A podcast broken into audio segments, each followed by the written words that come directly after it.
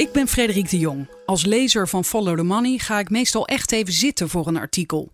Verhalen waar zo lang aan gewerkt is, kun je bijna niet in vogelvlucht tot je nemen. Het liefste zou ik willen dat de redacteur naast me zat om uitleg te geven. En dat is nu het geval. Spreek hem eens in. Frederik vraagt door. De podcast van Follow the Money. I know you're gonna dig this. Diewertje Kuipers en Liese Witman, welkom terug in de podcast. Ja, Waar gaan we het over hebben, Liese? over het Europees Defensiefonds. Een hele grote subsidiepot eh, uit Brussel. En dit keer voor militaire innovatie. En dat fonds kenden jullie al. Nou ja, het fonds is al enige tijd natuurlijk in de maak. Eh, dat komt niet van de een op de andere dag zomaar eh, uit de lucht vallen. Het fonds bestaat officieel nog niet. Het moet in 2021, als ik het eh, goed heb uit mijn hoofd, eh, moet het echt van start gaan. En nu zijn ze bezig met de zogenaamde pilot kweekvijver, hoe je het maar wilt noemen. Eh, maar dat zit er dus wel aan te komen. Ja, maar voor een fonds van 13 miljard hebben we er bijst te weinig in de normale media over. dat is zeker zo. Ja, Ja, ik, dus- ik heb er nog nooit van gehoord. Nee, ja, precies. Ja.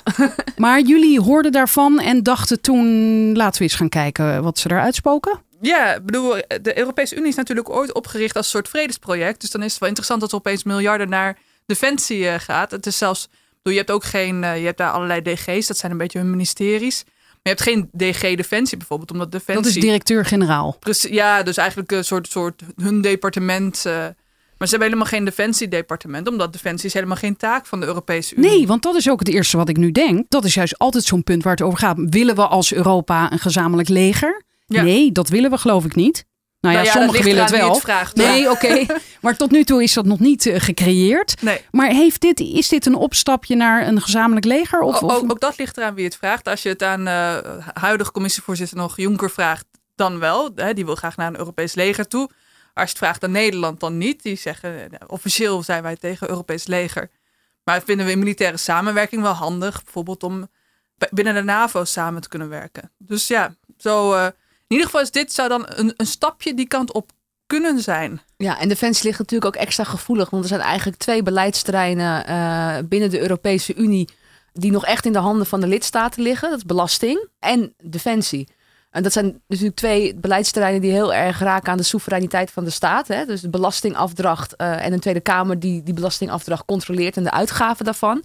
Maar hoe jij je eigen landsgrenzen verdedigt en eh, wanneer je je leger inzet, is ook iets wat echt wel ja, erg verbonden is aan de nazistaat.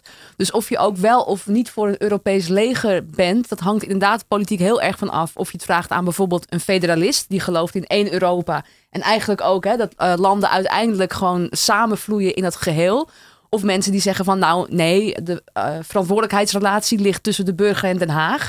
En niet tussen de burger en Brussel. Oké, en de titel van jullie artikel is TNO lobbyt om Europese defensiemiljarden. Tweede Kamer weet van niets. Een ongekend hoog bedrag van 13 miljard euro wil de Europese Unie investeren in militaire innovatie. Hoewel defensie tot nu toe vrijwel uitsluitend het terrein van de lidstaten was, probeert Brussel met dit fonds de strategische samenwerking te forceren.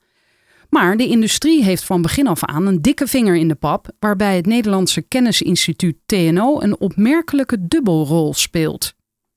Het is een mantra dat met enige regelmaat terugkeert in kamerdebatten, ronkende opiniestukken en discussies met veiligheidsexperts. Europa kan er niet meer van uitgaan dat de Verenigde Staten ons hachje komt redden. We moeten leren de eigen strategische broek op te houden. Deze roep om meer Europese zelfstandigheid op het gebied van internationale veiligheid is in Brussel in vruchtbare aarde gevallen. In september 2016 kondigde commissievoorzitter Jean-Claude Juncker aan de daad bij het woord te voegen. De Europese Unie, tot dan toe nadrukkelijk een vredesproject zonder enige zeggenschap op defensiegebied, zou een militaire rol toebedeeld krijgen. Hij zei daarover tegen het Europees Parlement: Om onze collectieve veiligheid te garanderen, moeten we investeren in de gemeenschappelijke ontwikkeling van technologieën en materieel van strategisch belang, van capaciteit te land, in de lucht, ter zee en in de ruimte tot computerveiligheid. Lidstaten moeten meer samenwerken en de nationale middelen meer bundelen. Als Europa niet voor de eigen veiligheid zorgt, zal niemand anders dat voor ons doen. Een sterke, concurrerende en innovatieve industriële defensiebasis is wat ons strategische autonomie bezorgt. Wat, waar het dus eigenlijk, wat de achtergrond van dit hele defensiefonds dus, dus eigenlijk is, is dat Amerika natuurlijk steeds meer zich beroept op dat zij niet meer de hele tijd de broek op willen houden van ook de Europese Unie. En zeggen, hè, jullie moeten meer bij gaan dragen aan de NAVO. En als het erop aankomt, ja, kan je er eigenlijk niet meer van uitgaan dat wij de hele tijd maar opkomen draven. Dus dat is eigenlijk de hele, het hele speelveld waar acht, wat, wat er ligt en waar op basis waarvan in feite dit uh, defensiefonds nu wordt opgericht. Dus dat klinkt best logisch. Ja, dus uh, dat, is, uh, dat is ook, bedoel, dat hebben we ook nooit in het stuk gezegd dat dat niet een goede reden is. De vraag natuurlijk wat je er vervolgens mee doet. Maar dat, die achtergrond, dat is eigenlijk de motivatie waarop iedereen zich continu beroept in deze discussie. En het is strategisch op zich ook wel handig. Uh, want we zijn inderdaad in Europa heel erg, of zeker Nederland is heel erg afhankelijk van Amerikaans materieel. En de vraag is natuurlijk, kijk, Amerika ontwikkelt militair materieel wat ten gunste staat van uh, de Amerikaanse strategie. Nou, die richten zich bijvoorbeeld heel erg op China. Die zijn daar heel erg mee bezig en die passen daar ook hun militaire innovatie op aan. Ja, de vraag is natuurlijk, uh, komen daar middelen uit voort voor een strijd die wij eigenlijk wel willen voeren? Kijk, misschien willen wij wel hele andere dingen met ons, uh, uh, met ons militair apparaat. Dus in principe is dat ook niet zo'n zo'n heel gek punt. Daarnaast hebben we ook een professor internationale betrekkingen, Daniel Thomas van de Universiteit Leiden. Die zei het ook heel goed. Die zei, kijk, je hebt bijvoorbeeld de F-35 gehad, de JSF. Dat is ook een Amerikaans project waar Nederland bij aangesloten heeft. Ja, en de invloed die wij hadden was, ja, we hebben een grotere cockpit nodig, want uh, onze piloten zijn heel erg lang. Ja, Serieus? Als dat, is ja, dat, uh... als dat een van de weinige dingen is uh, die je, wat je in de melk te brokkelen hebt, kun je je afvragen, ja, in hoeveel hebben we nou echt zoveel te vertellen als we met de Amerikanen samenwerken? En kunnen we het misschien niet vergroten als we met een paar Europese partners gaan samenwerken? Dus in principe is dat ook helemaal niet zo'n gek idee om dan inderdaad uh, op het gebied van innovatie uh, meer te doen. Dus in principe de politieke redenatie erachter is ook helemaal niet zo gek wat dat betreft. Oké. En dan schrijven jullie hier een speciale werkgroep aangesteld door de commissie tikt een rapport op voor de opzet van een militair onderzoeksprogramma. Met dat programma moeten de afspraken uit het verdrag van Lissabon uit 2007 om de militaire vermogens te verbeteren beslag krijgen. In het rapport wordt opnieuw met grote halen omschreven hoe de veiligheidsomgeving van Europa dramatisch veranderd is. Het document eindigt met een pleidooi voor de opzet van een omvangrijke pot Europees geld. Om er verzekerd van te zijn dat de Europese Unie op militair terrein op de lange termijn een geloofwaardige rol naast de Verenigde Staten kan innemen. Zodoende wordt het fundament gelegd voor wat zou uitgroeien tot het Europees Defensiefonds. En dat leggen jullie hier uitgebreid uit in een uh, groot kader. Maar dat kan jij vast uit je hoofd, Diewertje. Ja, dat is dus inderdaad hè, waar het fonds uit moet gaan bestaan. Er zijn natuurlijk wel wat eisen uh, om in aanmerking te komen voor het fonds. Je moet bijvoorbeeld minimaal met drie landen samenwerken aan één project. Dat is met name om te voorkomen dat landen met een relatief grote industrie, zoals bijvoorbeeld Frankrijk en Duitsland. Nou ja, Engeland valt daar een beetje uit hè, met de Brexit. Dus Frankrijk en Duitsland zijn toch echt wel de grote spelers op Europees defensiegebied. Dat die vervolgens uh, een beetje gaan bepalen hoe het allemaal moet. Dus je moet met meerdere landen samenwerken. Nou, Nederland heeft ook voor elkaar gekregen dat een van die drie landen ook een land buiten de EU kan zijn. Zodat ze misschien toch nog ook Amerika kunnen betrekken bij een innovatieproject. Wacht even, waarom zouden we dat willen dan? Als Europa? Nou ja, het is natuurlijk nou ja, als Nederland. Kijk, en hier zie je dus uh, die wrijving tussen wat nationale lidstaten willen en op welke manier ze invulling willen geven aan hun militair materieel en wat Europa, wat eigenlijk gewoon een samenklontering is van 28 landen met 28 verschillende strategische belangen. Uh, voor Nederland, wat al veel gebruik maakt van Amerikaans materieel, is het niet heel gek dat je in de toekomst daar uh, geen gebruik meer van zal maken. En dat je een deel in samenwerking met zowel Amerika als een paar andere Europese landen. Uh, dat je daar gebruik van maakt. Maar als ik het zo hoor, eerst uh, dit is, wordt opgezet omdat Amerika vaker en vaker zegt: wij komen jullie echt niet meer per definitie redden. Oké, misschien moeten we meer zelf doen, maar dan wil Nederland wel dat Amerika meepraat over hoe wij het zelf gaan doen. Nee, dat hij aansluit. Kijk, er is natuurlijk een verschil tussen, en dat is wel denk ik heel belangrijk om hier aan te geven. Er is een verschil tussen uh, bijdragen aan de NAVO en meedoen aan militaire inzet en samen materieel ontwikkelen. Het is natuurlijk wel zo met het Europees Defensiefonds van uh, je kan bijvoorbeeld samen een helikopter gaan ontwikkelen. Maar dat betekent niet dat Europa vervolgens gaat bepalen hoe die helikopter wordt ingezet. Want dat is nog altijd aan de nationale lidstaten. Uh, dus ik denk dat het wel goed is om daar een duidelijk onderscheid te maken. Het Europees Defensiefonds gaat dus echt voor het ontwikkelen van nieuw materieel. Nou, dat is natuurlijk altijd heel technologisch. Daar komt veel innovatie bij kijken. Om dat grotendeels meer richting Europa te trekken. Oké, okay, maar dan met het meepraten van Amerika, dat, althans, dat wil Nederland. En, en Duitsland en Frankrijk zijn daar minder happig op? Nou ja, wat het vooral is volgens mij, is dat de Nederlandse industrie heeft al veel samenwerkingscontracten met Amerika. Dus het zou voor ons heel onhandig zijn als we bepaalde projecten, eh, technologische projecten moeten gaan optuigen zonder Amerika, waar we al spulletjes van afnemen om, eh, weet ik veel, Ja. bepaald materiaal in elkaar te zetten. Dus als we dat opeens kaart moeten afsnijden, dan, dan zitten we onszelf eigenlijk dwars. En dat is eigenlijk het lijntje wat Nederland heeft willen openhouden rond het Europees Defensiefonds. Ja, en dat is gelukt. Nou ja, have your cake and eat it too. Dus wat dat betreft heeft Nederland wel dat handig eh uitonderhandeld, moet ik zeggen. ja. Ja. Maar er is iets vreemds aan de hand met de werkgroep achter dat rapport. Dat blijkt wanneer actiegroep Vredesactie en de Europese Ombudsman een jaar later onderzoek doen naar de achtergrond van de aangetrokken deskundigen. En die staan tussen aanhalingstekens. Daaruit komt naar voren dat vrijwel alle betrokkenen er op een of andere wijze baat bij hadden de veiligheidssituatie van de EU zo penibel mogelijk te schetsen en om een warm pleidooi te houden voor flink extra geld voor de financiering van militaire innovatie. In die werkgroep zetelen maar liefst negen topmannen van bedrijven met een militaire tak. Dit klinkt nu opeens als een werkgelegenheidsproject. Ja, dus het gaat om, het gaat om de werkgroep die eh, eigenlijk door de commissie was aangesteld. eh, nog voor die speech van Juncker, die we, waar we het net over hadden. Om een rapport op te stellen over wat hebben we nou nodig qua defensie in Europa. En, en die werkgroep, daar hebben we het nu over. Die heeft de basis gelegd in dat rapport voor het Europees Defensiefonds. En dat blijkt dus, is die, is die werkgroep voornamelijk eh, samengesteld uit allerlei mensen die heel, zelf heel veel baat bij hadden om die werkgroep een bepaalde, of die, dat rapport een bepaalde draai mee te geven. In deze group of personalities zitten onder meer de directeuren van Airbus en het Duitse MBDA. Bovendien functioneerde deze group of personalities helemaal niet zoals Europese werkgroepen behoren te werken. Hun totstandkoming en werkwijze waren volkomen ondoorzichtig, hetgeen in 2017 leidde tot een tik op de vingers van de Europese ombudsman, Emily O'Reilly. Ja, bij dat Duitse MBDA staat een plusje, daar kan ik op doorklikken. Deze onderneming produceert voornamelijk raketten. Oké, en profileert zich recent ook met lasertechnologie. Interessant. Ja, dat is eigenlijk een hele logische ontwikkeling. Omdat als het gaat inderdaad om, eh, om, om raketten, is, is, is laser eigenlijk de nieuwe vorm eh, eh, van technologie die daar leidend in zal zijn. Dus dat zie je bijvoorbeeld ook in Nederland. Hè? Bijvoorbeeld ook TNO doet heel veel onderzoek naar, eh, naar, naar dit soort technologie. Dit leer jij allemaal van Diewertje of wist jij dat ook nee hoor, allemaal, dit zit niet in mijn kennisbakje. Maar nu wel dus, hè? ja, En nu ook in het mijne. dank hè. En straks ook eh, in het bakje van die duizenden luisteraars. Ja, precies.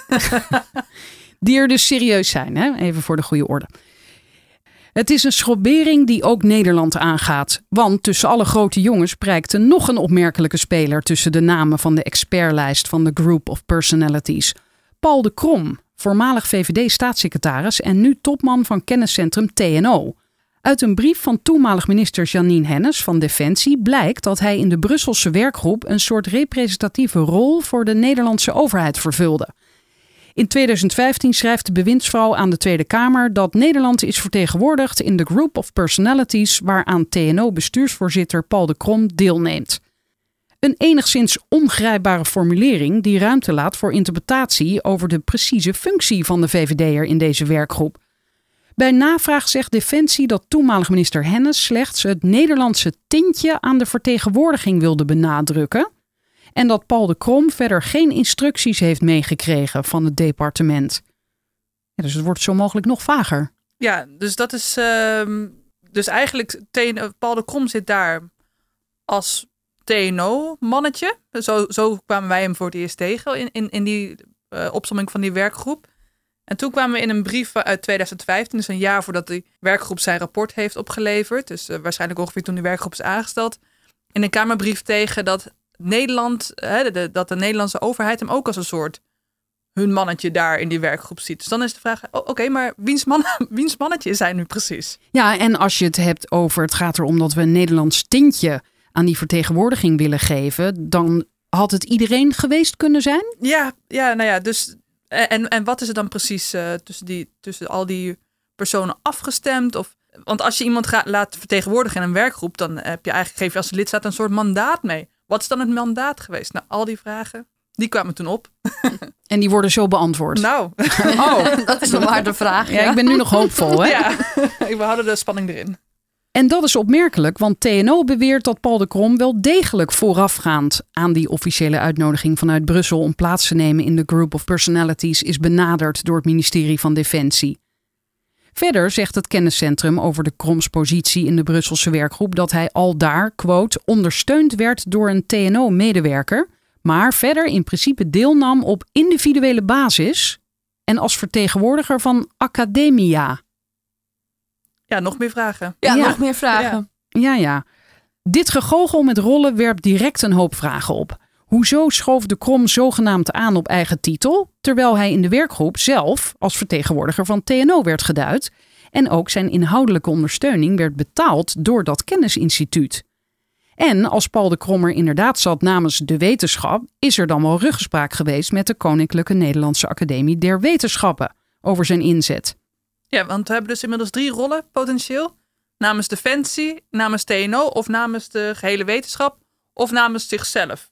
Ja, of, Vier rollen dus. of namens de BV Nederland, dus de Nederlandse staat, dus vijf. Ja. En de industrie. Dat is zes. Het kennisinstituut heeft daar zijn eigen redeneringen over. In reactie stelt TNO dat de kosten voor de medewerker, de zogeheten Sherpa, noemen ze die een Sherpa? Ja, Ja, ja, ja, het staat dus. Ja, het is Nou echt ja, heel zeg. grappig. Oké. Maar zo, ja, dat, zo, Ja, zo schijnt komt dat- in Brussel wel veel meer voor. Ja, Oh. Ja. Oh, oké. Ja, daar, daar is Lise weer meer van. Ja, van eh, ik kwam er vandaag ook weer tegen. Het zijn een beetje de hulpjes. hè? Ja, ja, maar we kwamen ook, dat is misschien wel grappig, want we hebben ook heel veel documenten gewopt. Eh, en er kwamen dus ook inderdaad dingen tegen zoals non-meetings. Eh, Weet je wel? Dus dan denk ik van, ja, wat is een non-meeting? Dus Non-papers. ja, dat is allemaal non-papers. typisch Brusselse Dus een paper wat dan eigenlijk geen paper is. Maar je Nee. zou bijna zeggen, als je dan toch een non-meeting hebt, waarom maak je daar dan aantekeningen van? Nou, dat gebeurt ook niet altijd. Ehm, het, is, het is meer, dus er moet van alles overlegd worden, maar niet alles mag een officiële overlegclub zijn, omdat er bijvoorbeeld geen basis voor is in een verdrag of wat dan ook. Dus ja, dan is het een non-overleg. Oplossing. Ja, mooi. Zou dit een non-podcast kunnen zijn? Nou, niet wat mij betreft. Nee, hoop het niet. Oké, dus we zijn bij die Sherpa gebleven. Die kosten voor die Sherpa zijn opgehoest. En dan komt er een quote als onderdeel van TNO's maatschappelijke functie. En hoewel Paul de Krom niet is gepromoveerd, geen enkele wetenschappelijke publicatie op zijn naam heeft staan, nog is verbonden aan een universiteit, valt hij volgens TNO toch onder de noemer Academia. De strekking van de relatie met Defensie blijft mistig. Hoewel er met Paul de Krom duidelijk contact is geweest over zijn rol in de Group of Personalities en de suggestie wordt gewekt dat hij zelfs voor die positie naar voren is geschoven, is er op het departement geen lijstje met selectiecriteria terug te vinden voor geschikte kandidaten. Wat maakte Paul de Krom dan de geschikte kandidaat? Op nieuwe vragen over de gang van zaken vijf jaar terug zegt Defensie echter dat het Follow the Money helaas het antwoord schuldig moet blijven. Ja, dus eh, sorry lieve lezers, hier hebben we allemaal geen antwoord op gekregen. Jammer. Ja, Maar hier, waarom staat hier nieuwe vragen over de gang van zaken vijf jaar terug? nou ja, omdat het gaat over eh, die brief uit 2015, waarin Hennis dus zegt dat Oh ja, Paul de Krom als een soort vertegenwoordiger optreedt. maar daar willen ze dus geen antwoord op Nee, ze geven. willen dus niet zeggen wat dat eigenlijk, hè, hoe dat nou, wat er precies vijf jaar geleden dan is bedisseld. Zo blijft volkomen onduidelijk wiens belangen Paul de Krom nu precies vanuit de BV Nederland vertegenwoordigde in Brussel en waarom. Zelf is hij ook niet bereid, ondanks herhaaldelijke verzoeken om zijn rol toe te lichten. Ja, dat wilde ik net gaan vragen, van waarom bel je hem dan niet? Maar hij neemt niet op. Ja, we hebben meerdere malen gevraagd aan, aan eh, TNO, want hij is daar natuurlijk bestuursvoorzitter. Van goh, zouden we hem even kunnen bellen? Want misschien is het handig, hij zat daar. eh, om gewoon even te vragen hoe Ja. is dat gegaan en namens wie zat je daar? Eh, maar nee, dat, dat was niet mogelijk. TNO wilde alleen maar vragen over de mail beantwoorden. Dus ja, maar we het maar mee doen? En, en wat kwam daar dan voor antwoorden? Of eh, loop ik nu vooruit op de zaken? Nee, dat is, eh, wat zijn je de net hebt, vragen die je, de, de punten die je net hebt verteld over hè, de, de rol van die Sherpa, weet ik veel Ja, oké, maar, Maar dus niet er niet van uit. waarom deed jij dit zelf nou? Wat, wat was volgens jou de reden dat je Nee. daar zat? En dat is wel lastig, aangezien hij daar blijkbaar op individuele basis was, al zat. Was het wel handig geweest om hem ook dan zelf die ja, vragen te kunnen ja, stellen. dus hij zat daar op individuele basis namens Academia, maar kreeg wel een medewerker betaald door TNO en gaf als Nederlands vertegenwoordiger een Nederlands tintje. Maar het is niet echt precies duidelijk eh, welke van de vier rollen hij nou vertegenwoordigde en hoe en waarom. Ja, ja. Wel is het evident dat dit niet de eerste keer was dat partijgenoten Paul de Krom en Janine Hennis elkaar wisten te vinden op de weg tussen Den Haag en Brussel. Zo maakte Hennis zich in 2009 als Europarlementariër hard voor een boerkaverbod en liet ze zich, om haar woorden kracht bij te zetten, fotograferen in boerka voor HP De Tijd.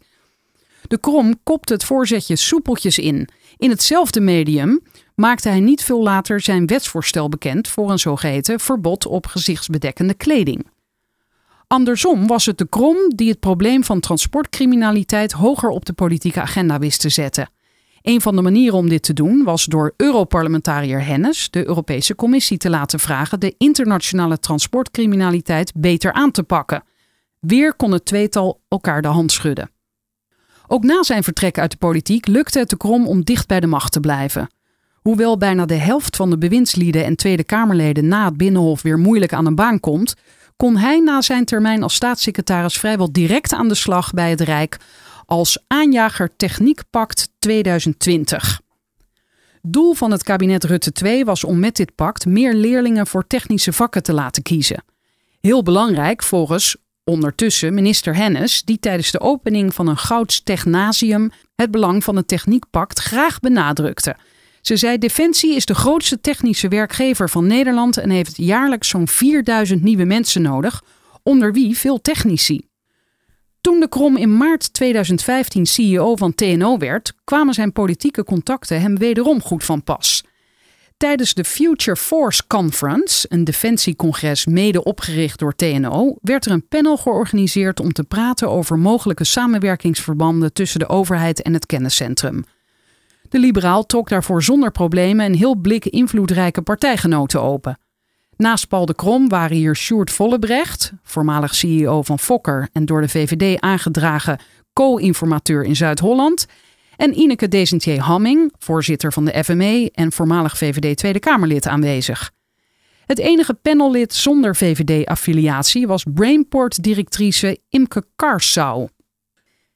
Die achtergrond van politieke eentweetjes en ons kent ons baantjes roept de nodige vragen op over TNO als onafhankelijk kennisinstituut. Sowieso is het onderzoeksbureau wat zijn defensietak betreft een vreemd beestje, laverend tussen overheid en industrie. Officieel vervult TNO voor het ministerie van Defensie zogenaamde kennisintensieve overheidstaken, wat inhoudt dat het namens het departement onderzoekstaken uitvoert. Commandant der strijdkrachten luitenant admiraal Rob Bauer sprak in 2017 zelfs van een wederzijdse afhankelijkheidsrelatie. Hij zei: TNO kan niet zonder defensie en defensie kan niet zonder TNO. En volgens minister Ank Bijleveld is defensie zonder TNO toch een beetje als Ajax zonder Frenkie de Jong. Een speler die zorgt voor de nodige creativiteit, die altijd vooruit denkt. De militaire versie van Frenkie de Jong is onder andere terug te zien in de strategische rapporten van Defensie, waar op basis van analyses van TNO de kennis- en technologiegebieden worden geïdentificeerd waar het beste in geïnvesteerd kan worden om de Nederlandse krijgsmacht optimaal te positioneren. Opvallend genoeg zijn dit kennisgebieden waar TNO zelf zijn inkomsten vandaan haalt, zowel door te adviseren aan de overheid als door samen te werken met de industrie. Zij van WC Eend bevelen hun waren van harte aan. Ja, wacht even, verandert Frenkie de Jong nu in een WC Eend? Nou ja, het is natuurlijk, ehm, dat komt straks ook in het artikel, maar dit is echt onderdeel van de gouden driehoek, zoals uh, Defensie dat graag noemt. Uh, je hebt Defensie aan de ene kant, dan heb je TNO als kennisinstituut en de industrie. En die drie moeten natuurlijk samenwerken met elkaar. Het is natuurlijk in de ideale situatie zo dat uh, Defensie uh, het strategisch beleid van de regering uitvoert. En op basis van de wensen van de regering de industrie ook aan de gang zet. Hè? Want wat jij wil doen met je militair apparaat is een politieke keuze. En op basis daarvan ga je ook materieel bijvoorbeeld ontwikkelen hier is het natuurlijk wel heel erg bijzonder. Want op het moment dat TNO alvast gaat vertellen aan Defensie wat zij nodig gaan hebben. Zodat Defensie weet welk strategisch beleid ze misschien moeten gaan hebben. Ja, dan wordt het echt de vraag van oké, is dit nu uh, gedreven door de industrie of gedreven door de politiek? Uh, hè, dus bij die, bij die driehoek van waar komt het geld terecht uh, en wie drijft het aan? En je mag toch inderdaad wel hopen dat Defensie hierin leidend is. Hè? Dat in ieder geval via het regeringsbeleid zowel de industrie als TNO uh, aan het werk zetten. Maar ja, als dat heel erg innig samenkleeft en klontert en lekker knusdicht op elkaar zit, ja, wordt het steeds moeilijker om die toch wel ja, losse taken, want het zijn inherent andere taken, uit elkaar te trekken. En dat is eigenlijk wat hier een beetje opvalt. En hebben jullie die vraag ook aan meerdere partijen gesteld? Van het kip-en-ei verhaal. Wie, was, wie komt er nou eerst? Nee, want dat is een vraag. We hebben natuurlijk wel ook meerdere gesprekken gevoerd, ook met ambtenaren. En daar komen dit soort dingen ook wel gewoon naar boven. Dat je zegt van, goh, hoe, hoe zit dat? Maar er is ook niet echt een duidelijk antwoord eh, op te geven. Want het is natuurlijk wel zo. Je kan eigenlijk alleen maar constateren dat het risico er echt wel bestaat. Dat het te knus en te gezellig wordt. Eh, ik denk dat die dubbele petten van Paul de Krom bijvoorbeeld hè, ook een goed voorbeeld is van hoe dat allemaal met elkaar kan gaan vermengen. Eh, maar het is heel moeilijk om echt aan te tonen van ja, kijk, en hier gaat het echt mis. Want je kan natuurlijk moeilijk eh, zowel TNO als Defensie als de industrie kwalijk nemen dat ze elkaar opzoeken. En want ze zijn natuurlijk wel van elkaar afhankelijk. Maar dat neemt niet weg eh, dat je moet denken van nou, samenwerking is hartstikke goed, hartstikke gezellig en we hoeven er verder niet kritisch naar te kijken. Kijk, je ziet dit soort mechanismen ook vaak bij universiteiten. hè. Die krijgen tegenwoordig eh, ook zowel geld van de overheid als van het bedrijfsleven bij projecten die ze met, met zowel bedrijfsgeld als overheidsgeld vervolgens ontwikkelen. En dan blijft de vraag wie komt nou met het plan, het eigenlijke plan om dat project in gang te gaan zetten. En dat is nu ook een beetje bij TNO. Kijk, als TNO niet ook geld kreeg van de industrie voor projecten, was het heel simpel geweest. Dan zijn zij echt totaal onafhankelijk, geven zij adviezen aan Defensie, die daar dan al dan niet iets mee doet. En op basis daarvan al dan niet de industrie aan het werk zet. Maar aangezien TNO ook geld krijgt van de industrie, die en eh, de industrie heeft natuurlijk bepaalde projecten in zijn hoofd die ze graag gefinancierd willen zien, wordt het een beetje dubbel hoe eh, de strategische eh, adviezen die TNO geeft aan Defensie nou beïnvloed zijn door wat de industrie ook wil. En dat zijn eigenlijk dubbele petten die je het liefst niet zou willen zien. Maar, Maar die- zijn die ja. er altijd al geweest? Nee, die zijn echt opgezet ook door de regering eigenlijk. Hè. Er is echt verandering ook in regeringsbeleid geweest. Want eh, bijvoorbeeld kennisinstituten, waaronder ook TNO, eh, die voorheen echt wel gewoon exclusief verbonden waren aan, aan de overheid. Die moesten op een gegeven moment ook een beetje zelfstandig worden, winst gaan maken. Ja, Dat dus ook een beetje marktwerking met nu ook. marktwerking. Ja, Ja, ja. zeker. Want die moeten ook gewoon hè, in hun jaarrapporten laten zien dat ze in ieder geval wel wat eh, eigen broek op hun kunnen houden, eigen broek op kunnen houden. En hè, dit want- kan daar mogelijk nadeel van zijn. dit is, nou, dat is volgens mij een evident nadeel hiervan. Maar ook dit is wel echt een uitvloeisel van een politieke keuze. En het gekke is dat, dat dat inmiddels bijna als normaal wordt gezien. Terwijl als je erover nadenkt, is het toch eigenlijk heel maf. En heel raar dat je dit niet eh, wat meer loskoppelt. Ja, maar het lastige lijkt me ook dat niemand zal meer, denk ik, vrees ik, opstaan en zeggen: ja, inderdaad, jullie hebben een punt en die en die zit eigenlijk fout. Of dat instituut zit fout, of de industrie, of de overheid. Ze kunnen ook allemaal lekker naar elkaar wijzen. Ja, maar het is denk ik in dit geval ook niet echt iets van, van oh, TNO zit helemaal fout, oh, Defensie zit helemaal fout of de industrie zit helemaal fout. Eh, wat je denk ik wel duidelijk kan zien is dat bepaald regeringsbeleid ervoor heeft gezorgd dat er bepaalde ehm ja, incentive structuren, hoe moet je dat zeggen, bepaalde belangenstructuren zijn ontstaan die dit soort dingen, knussen, kleffe, kleverigheid, waardoor eh, belangen moeilijk uit elkaar zijn te trekken, in de hand werken. Eh, dus je kan natuurlijk niet deze organisaties, dus deze drie punten van de driehoek, kan je het niet kwalijk nemen dat ze zich gedragen zoals ze zich gedragen. Want zo is de belangenstructuur nou eenmaal opgezet. En dat is toch echt wel ook deels een, een, een, ja, een uitvloeisel van regeringsbeleid. Ja, en ik lees hier ook dat zij onder andere zich verantwoorden doordat ze zeggen: kennis delen zorgt voor innovatie en innovatie zorgt weer voor banen. Bovendien drukt de samenwerking de kosten. Maar dan zeggen jullie het argument dat de innige driehoeksverhouding rechtvaardigt, is echter vooral van politieke aard. Uit onderzoek van defensie-economen Erik-Jan de Bakker en Robert Beres blijkt dat de innovatie en werkgelegenheid binnen de defensieindustrie geen aanwijsbaar positief effect hebben op de Nederlandse economische groei. Toch blijven denktanks zoals HCSS, opgericht door oud-TNO'er Rob de Wijk, deze claim voortdurend maken. Daarbij vinden zij zich gesteund door Nederlandse politici. Als ik de manier waarop wij in Nederland omgaan met de Gouden Driehoek vergelijk met andere landen in Europa, denk ik dat zij daar veel van kunnen leren, constateerde staatssecretaris Barbara Visser van de VVD tijdens een recent Kamerdebat bijvoorbeeld tevreden. Oh, dus men is heel tevreden en zegt zelfs het buitenland kan hier iets van leren. Ja, dat is ook het interessante ervan. En dat is ook gewoon een beetje dat, dat, dat. Ze zijn er zelf eigenlijk allemaal heel erg blij mee. En, en, en natuurlijk, wat ik al zeg van. Je kan, je kan eh, het ook niet kwalijk nemen dat die de driehoekspunten, zal ik maar zeggen, de samenwerking opzoeken. En kennis uitdelen is altijd goed om te voorkomen dat je los van elkaar het wiel gaat uitvinden. Eh, maar dit illustreert voor ons wel dat het misschien iets te gezellig is geworden in die driehoek. Niet voor niets heeft TNO ook in de Europese Unie ruimte gezien om het gouden driehoekmodel te exporteren. Zo heeft het onderzoeksplatform al weten aan te haken bij tal van defensiegerelateerde Europese projectjes, waarbij ook de industrie betrokken is. En wat het kenniscentrum betreft is dit pas het begin. Onlangs brak de Krom op de radio nog een lans voor significante verhoging van de Europese onderzoeksbudgetten, want de 20 miljoen euro die TNO tot dan toe had weten binnen te hengelen, was blijkbaar niet genoeg. Op eenzelfde wijze stond TNO vier jaar geleden vooraan toen er plannen moesten worden opgetuigd voor de uitrol van een grootschalig militair onderzoeksprogramma. Dankzij de innige relatie van TNO met Defensie en de liberale banden tussen dienst-CEO en de toenmalige minister van Defensie kon het kenniscentrum er als de kippen bij zijn op het moment dat er animo was voor de introductie van een totaal nieuwe subsidiebron, namelijk het Europees Defensiefonds. De Nederlandse regering was van begin af aan wel te porren voor dit idee van een nieuw militair fonds, dat door hun Frenkie de Jong immers van een Nederlands tintje was voorzien. Nog het cruciale Europese werkgroeprapport, nog de daaruit voortkomende commissievoorstellen zijn intern fundamenteel bevraagd. Dat blijkt uit documenten die Follow the Money heeft opgevraagd via een WOP-verzoek. De wet openbaarheid van bestuur bij ministeries van Buitenlandse Zaken, Defensie en Economische Zaken. De enige kwestie die in de stukken doorlopend aan de orde is gesteld, is hoe het Europees Defensiefonds zo kon worden ingericht dat Nederlandse belanghebbenden ervan zouden kunnen profiteren. Ja, hier willen we nog. Hier slaan jullie op aan. Nou, begin, begin jij maar, Diel. Nou, we hebben dus inderdaad een WOP-verzoek ingediend. Dat was, wanneer was dat? Februari, nee, jan, januari, Begin, februari. zoiets. ja, begin februari dit jaar. Nou, je, eh, je moet reageren binnen acht, acht weken, geloof ik, is de eerste Ik termijn. weet het niet eens meer wat. Wat, wat ons wel heel erg opviel, was echt het significante verschil tussen diverse departementen in hun openbaarheid. Eh, ik moet zeggen, Defensie, daar hebben we het meeste van gehad. Vertraging van, van echt één of twee weken misschien. Dus die hebben we eigenlijk volgens mij maar één keer echt aan het jasje hoeven trekken van joh. Eh, komt er nog een besluit of hoe zit dat? Daar hebben we echt veruit de meeste rapporten van gekregen. Ehm, daar hebben we verder ook echt daarnaast ook eh, eh, ruime gesprekken ook mee, mee kunnen voeren.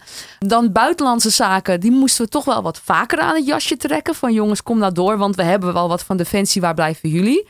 Maar echt absolute kampioen in gewoon traineren en ja, rekken. Dat is toch echt wel e- economische zaken geweest. Want we hebben eigenlijk nog geen enkel document van hun gehad.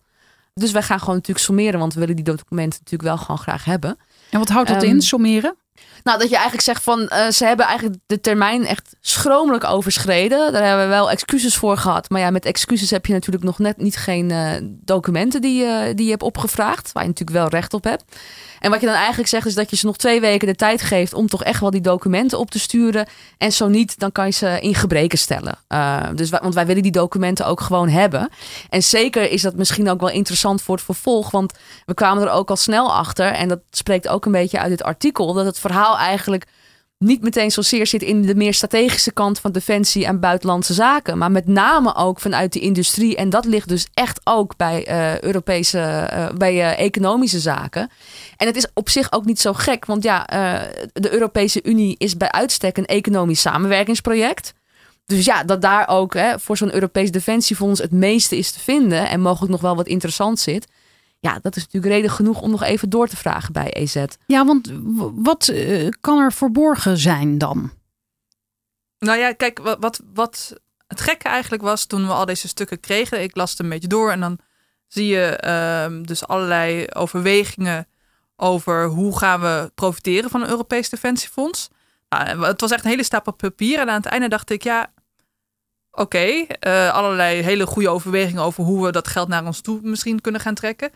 maar dan denk je opeens, oh, maar eigenlijk heb ik helemaal niet ge- gelezen waarom we eigenlijk vinden dat, er, dat er een Europees Defensiefonds moet komen. En dat is dus het gekke dat die overweging volledig ontbrak. Dus eh, ik vond het meest opmerkelijk nog in deze stukken niet zozeer wat er wel in zat als wat er niet in zat. En dat geeft een heel goed beeld van hoe iets tot stand is gekomen en wat de afwegingen zijn geweest. Maar bijvoorbeeld bij economische zaken ben ik nog wel benieuwd of die ook contact hebben gehad met de industrie, eh, op welke manier.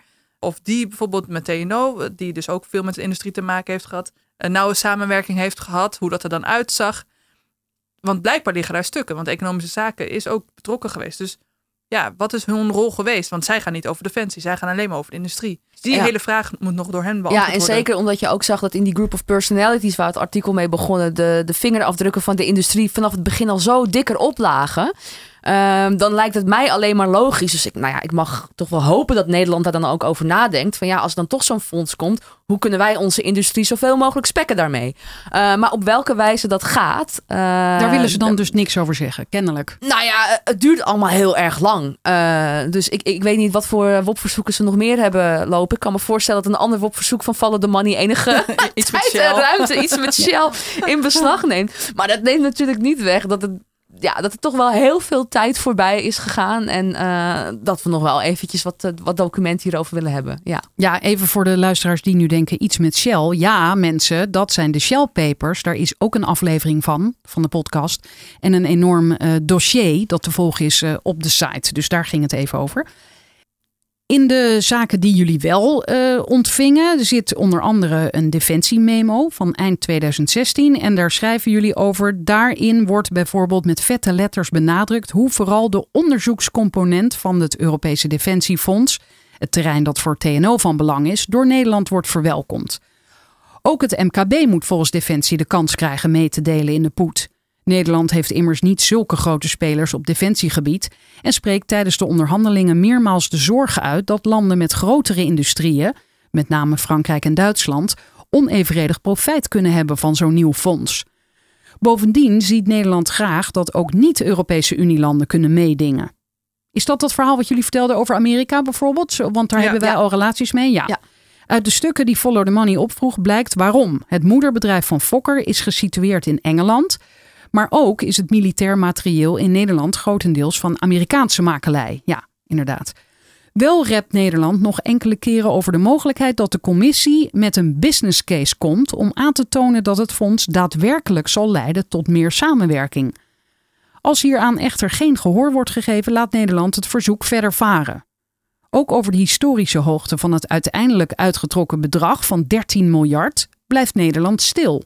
De lijn die de commissie hanteert wordt klakkeloos overgenomen. Ja, dus dit gaat allemaal over de vraag. Kijk, oorspronkelijk was dus het idee, je zou het weer bijna vergeten, dat het Europees Defensiefonds ervoor gaat zorgen dat er samen militair materieel ontwikkeld wordt, in ieder geval militaire innovatie.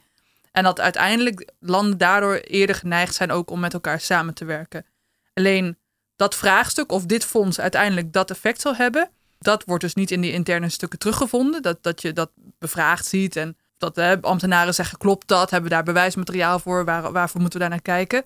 Alleen wordt er op een gegeven moment wel gezegd van, nou ja, hebben we niet een business case? Kortom, is er niet een soort voorbeeldje waar de Europese Commissie mee kan komen, waaruit dit dan zal blijken? Maar zodra dat dus niet echt gehoor vindt, dan ja, Laten ze het maar lopen. Ja, je ziet hier vooral dat er niet echt een essentiële bevraging is van het hoe en waarom. Maar dat het meer wordt opgepakt als gewoon een proces. Wat we even Ja, met z'n allen dit, moeten dit gaan, gaan we doorlopen. doen. Dit ja, gaan we dit doen. gaan we doen. En hoe kunnen we in ieder geval voor zorgen dat wij het onderste uit de kan kunnen halen. eh, zonder erbij stil te staan van ja, willen wij dit wel? Eh, is dit wel hè, eh, de kant die wij op willen gaan? Dus hierin zie je toch ook wel weer dat Nederland nou, toch best wel een braaf jongetje in de Europese klas is. Toch is het creëren van politieke samenwerking door de industriële samenwerking aan te slingeren lang niet zo logisch als de Europese Commissie het wil doen voorkomen. Want wat hebben we aan een gezamenlijke defensiemarkt zonder een gezamenlijke Europese strategie om die aan te sturen? Het doel bepaalt tenslotte de middelen. Creëert de Europese Unie op deze wijze niet dezelfde situatie als bij de euro? Wel een gezamenlijke munt, maar geen politieke unie.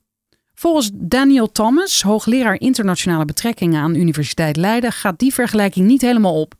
Hij zegt de invoering van de euro creëerde een ander probleem. We waren verenigd in de munt, maar hadden geen gemeenschappelijk fiscaal beleid. Dit zorgde direct voor spilloverproblemen die in 2008 duidelijk werden. Landen met een strakker fiscaal regime draaien op voor landen met een zwakker regime. Spillover, wa- wat eh, houdt dat in? Nou, dat als jij inderdaad een systeemfout erin hebt, eh, dat het de communicerende vaten zijn. Hè? Dus als je allemaal dezelfde euro gebruikt, maar ondertussen wel eh, een ander belastingregime erop eh, nahoudt, dan moet je, om die munt in stand te houden, toch ook wel enige allocatie van middelen. Dus ook hè, bijvoorbeeld de Grieken helpen er weer bovenop te komen. Dus dat is wat hij bedoelt met de spillover-effecten. Oké, en deze Thomas zegt dat die spillover-effecten niet bij het Europees Defensiefonds zitten. Ja, dus Dus we kunnen opgelucht ademhalen. Nee, kijk, de, gra- de grap is eh, natuurlijk dat, wat, die wat je net uitlegt over de euro, is dat eigenlijk doordat je gezamenlijk een instrumentje hebt, en dat is dan de euro, leidt het uiteindelijk ook tot politiek. Omdat eh, je kan eigenlijk uiteindelijk bleek dat we niet alleen maar de euro kunnen hebben zonder daar een soort politiek omheen te maken. En het idee is eigenlijk natuurlijk van, die, eh, van zo'n Europees Defensiefonds dat met dat instrumentje, namelijk dat geld, uiteindelijk ook de politiek er niet meer echt omheen kan om niet ook een soort samenwerking uh, te gaan hebben. Maar Ja. deze Thomas zegt dus, zo, zo werkt dat niet in dit geval. En dan, eh, hij legt hier dus uit waarom dat dan zo is. Hij benadrukt dat het fonds het gezamenlijk ontwikkelen van materieel laagdrempeliger maakt, maar dat dit niet betekent dat de Europese Unie vervolgens iets te zeggen heeft over hoe dit wordt gebruikt. Hij zegt het kan de Duitsers, Zweden en Nederlanders helpen om samen een vliegtuig te ontwikkelen, maar er is vervolgens geen enkele verplichting deze vliegtuigen op een bepaalde manier te gebruiken. De Nederlanders blijven operationeel gezien volledig vrij. Juncker zei dat een Europees leger mooi zou zijn, maar I would not hold my breath. Dus het is een beetje een ingewikkeld mechanisme, maar de vraag is dus, zit er een soort directe schakel tussen van, nou, van een pot geld neerzetten naar dat het uiteindelijk ook tot een politieke samenwerking komt? En dat automatisme, dat komt hier niet uit voort uit het Europees Defensiefonds. zegt hij. Ja, en dus is het hele idee wat, er, van, wat erachter zit, eh, ja, is het eigenlijk natte vingerwerk of we, of we ooit daar de strategische vruchten ook van gaan plukken. Want dat zei hij ook. Van hij vroeg zich af of, of welke voordelen we er ooit bij gaan hebben. Nee, of, of dit voordeel eruit komt. Ja. Wou jij nog wat zeggen, Diewertje? Ja, ik denk dat het hier ook eh, voornamelijk erom gaat. Kijk, de vraag is natuurlijk wat je eigenlijk altijd bij de Europese Unie een beetje hebt. Is dat van als we op bepaalde economische terreinen samen gaan werken.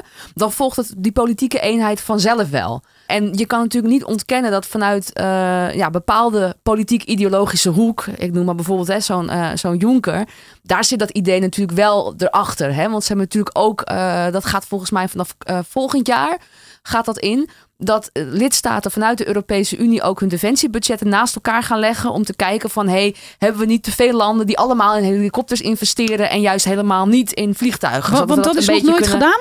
Nee, dat is juist omdat natuurlijk Oh ja. budgetten en defensiebudgetten liggen heel erg gevoelig. Dat is ook inderdaad hè, die fiscale controle over de nationale uitgaven. En als er iets een nationaal belang is, dan is het natuurlijk wel defensie. Want het is niet alleen ter verdediging van het eigen grondgebied, maar ook de grenzen Dus het is in, in veel gevallen misschien ook geheim.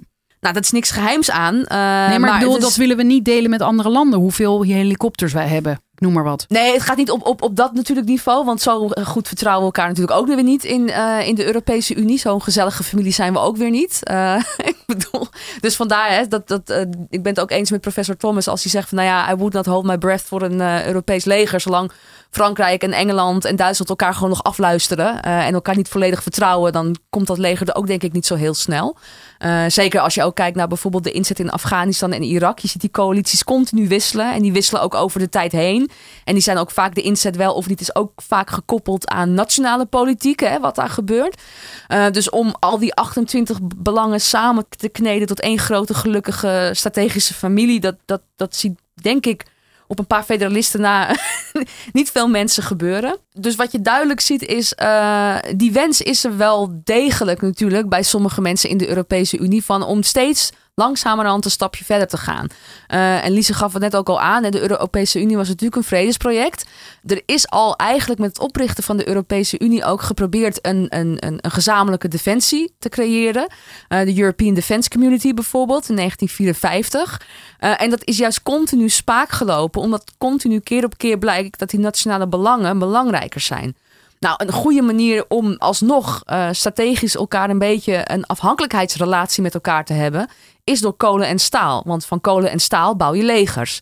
Ehm, dus de, de Europese Unie is ook daarom begonnen als een gemeenschappelijk eh, Europees kool- en staal eh, samenwerkingsverband. Toch zie je, en dat, dat zie je nu continu ook terug, en dat zagen we ook terug in die, in die WOP-stukken. Ook al ga je naar zo'n Europees Defensiefonds, het eerste wat je ziet is dat al die landen gaan kijken, wat kan ik eruit halen? Het nationaal belang. Dus Nederland gaat natuurlijk meteen vragen van, ja, ho, eh, hoe zit het dan met bijvoorbeeld Amerikaans materieel? Maar ook, hoe zit het met de MKB? Want wij hebben geen grote industriële eh, defensietak, zoals Frankrijk en Duitsland dat wel heeft. Dus elk land probeert voor zichzelf het onderste uit de kant te halen. Dus dan zie je, zelfs met dit soort samenwerkingsprojecten, zie je dat het nationaal belang nog altijd heel erg boven komt drijven. En dat is denk ik ook de reden waarom veel mensen zeggen van ja, het Europees leger zien we daarom ook niet zo snel gebeuren. Ik zit net te denken, de Paul de Krom is niet de enige die praat namens Academia. Jij weet er zoveel van. Jij, jij spreekt bijna ook namens eh, de Academia. Hè? Je hebt hier jarenlang Heb je dit allemaal bestudeerd? Nou ja, dit niet specifiek. Ja, ik ben gepromoveerd in, eh, in, in eh, Ja. ja. eigenlijk risicogedrag van regeringen tijdens militaire interventies. En ik schrijf ook al heel lang over defensie, dus dit soort dingen hou ik er natuurlijk ook altijd bij. Ja, interessant. Eh, ja, zeker omdat natuurlijk hier zitten ook heel veel politieke risico's in. En een deel van buitenlandbeleid ja, is toch ook wel een beetje binnenlandse politiek. Ja, je zou het mij niet hoeven vragen hoor. Nee. nee, ik, ik kwam dit Europese Defensiefonds op een gegeven moment tegen. En ik dacht, ik wilde wel induiken, maar heb ik wel even een duwtje nodig. En, en WOP-verzoeken natuurlijk. Ja. Zelfs oud-commandant der strijdkrachten Dick Berlijn moest onlangs in de Volkskrant toegeven dat hij er geen vertrouwen in heeft dat een Europees materieel fonds een recept is voor een betere Europese defensiesamenwerking. Nee, eigenlijk niet, zei hij. Het is nog steeds heel opportunistisch. Die nationale overwegingen zijn nog steeds dominant. Met het ontwikkelen van dit nieuwe materieel zullen vooral kennisinstellingen als TNO en de defensieindustrie gegarandeerd profijt hebben van deze nieuwe pot geld, waarvan het intellectueel eigendom dat voortkomt uit de gefinancierde innovatie bovendien volledig naar de subsidieontvangers zal gaan. Maar hoewel het nieuwe Europese parlement officieel nog akkoord moet gaan met de instelling van het budget voor de nieuwe commissieperiode, lijkt de fase van het stellen van fundamentele vragen reeds geruisloos gepasseerd. Ja, dus hier benadrukken jullie nog maar eens dat het fonds is er nog niet, er wordt over gesproken, maar niemand vraagt zich meer echt af, moeten we dit wel doen? Ja, en, en waar komt die 13 miljard vandaan? Dat, dat, dat weten we En ook nog steeds waarom niet niet. 10 of waarom niet 15? Ja, het is Ja, wel we- verhoogd, maar waarom? En- Oh. uit het achtergrondgesprek hoorde van... eh, ja, nee, dat heeft iets met een soort maatstaven die commissie, die commissie op dit soort punten erop nahoudt te maken. Ja, dat weten we eigenlijk ook niet. Oké.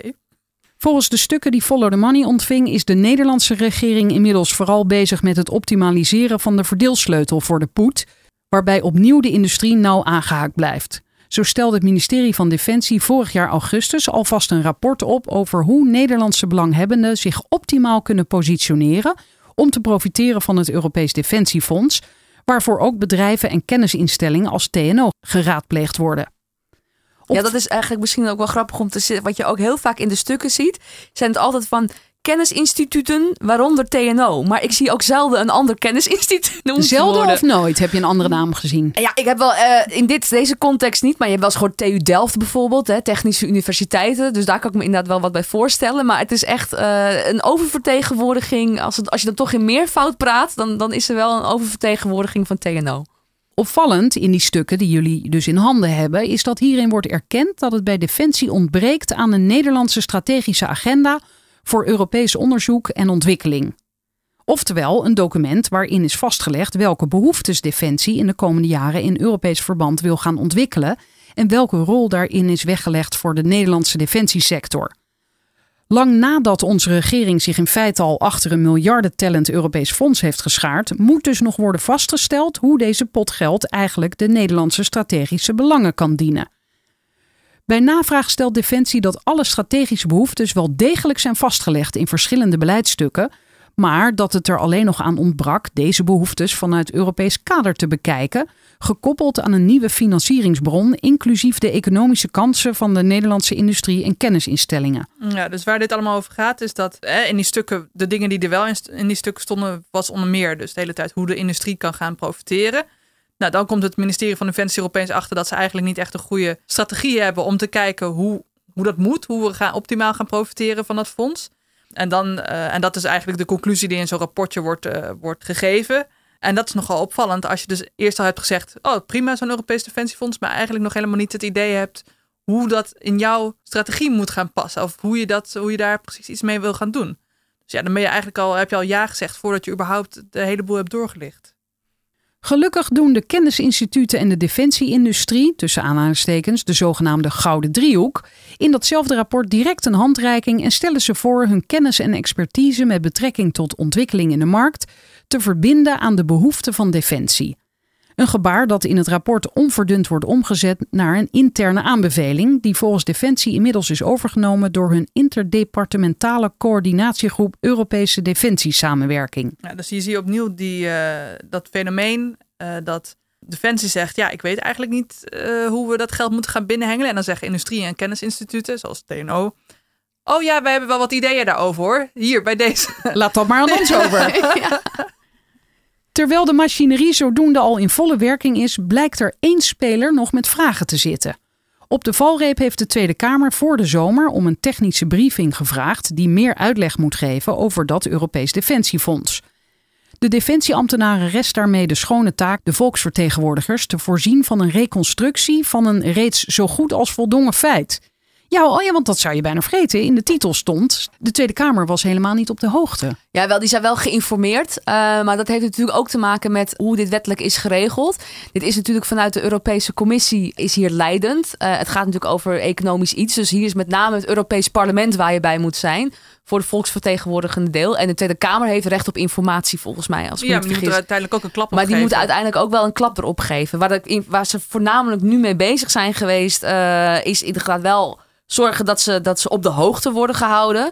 Maar dingen zoals hè, wat wij hier naar voren hebben gebracht, zoals die dubbele petten, eh, die group of personalities, daarover hebben wij niks kunnen terugvinden in de kamerstukken.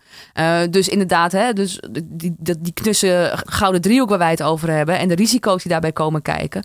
De dubbele petten, eenzijdige belangen, nou toch ook misschien een beetje eh, lichte belangenverstrengeling bijna, of in ieder geval die schijn van, hè, die, die mogelijk op de loer ligt. Daarover hebben we niks kunnen vinden in de Kamerbrieven.